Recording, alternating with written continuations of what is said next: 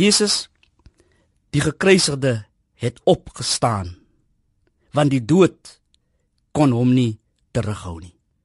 Petrus lewer hierdie toespraak of preek in Handelinge 2. En dit word gekenmerk deur aanhalinge uit die Ou Testament. Petrus sê vir sy luisteraars, die volk tot wie hy spreek, julle het hom vermoor, julle het hom doodgemaak. Maar dan sê hy met soveel geloofsekerheid en oortuiging, maar God het hom opgewek. In God se raadsplan kon die dood hom nie terughou nie. Die Hebreëse woord vir smarte in die Ou Testament word vertaal met geboortepyne.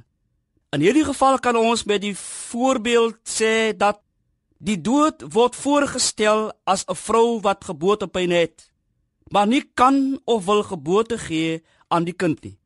God het die geboortepyne van die dood verbreek of laat ophou sodat Jesus nie langer deur die graf vasgehou kan word. Die dood word dus voorgestel as 'n moeder uit wie die eersgeborene uit die dood tot 'n nuwe lewe gebore word. Dit was onmoontlik dat Jesus wat deur God gestuur is in die mag van die dood sou bly. Vir die dood was dit onmoontlik om hom gevange te hou.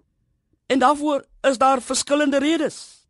En een van die antwoorde wat heel eenvoudig is, die Bybel sê hy moes opstaan. Dit is die goeie nuus. Die wonder van God se handeling dat God vir Jesus uit die dood opgewek het. God wek vir Jesus uit die dood op en maak hom tot Heer en Christus. Nie enige een nie. Maar hierdie Jesus sê Petrus in Handelinge 2, die gekruisigde. So klink die inhoud van die eerste prediking volgens die boek Handelinge. Die wonderbare verrassende punt is nie dat iemand wat dood was, die dood oorwin nie, maar dat dit juis hierdie Jesus dat hy opgewek is. Amen.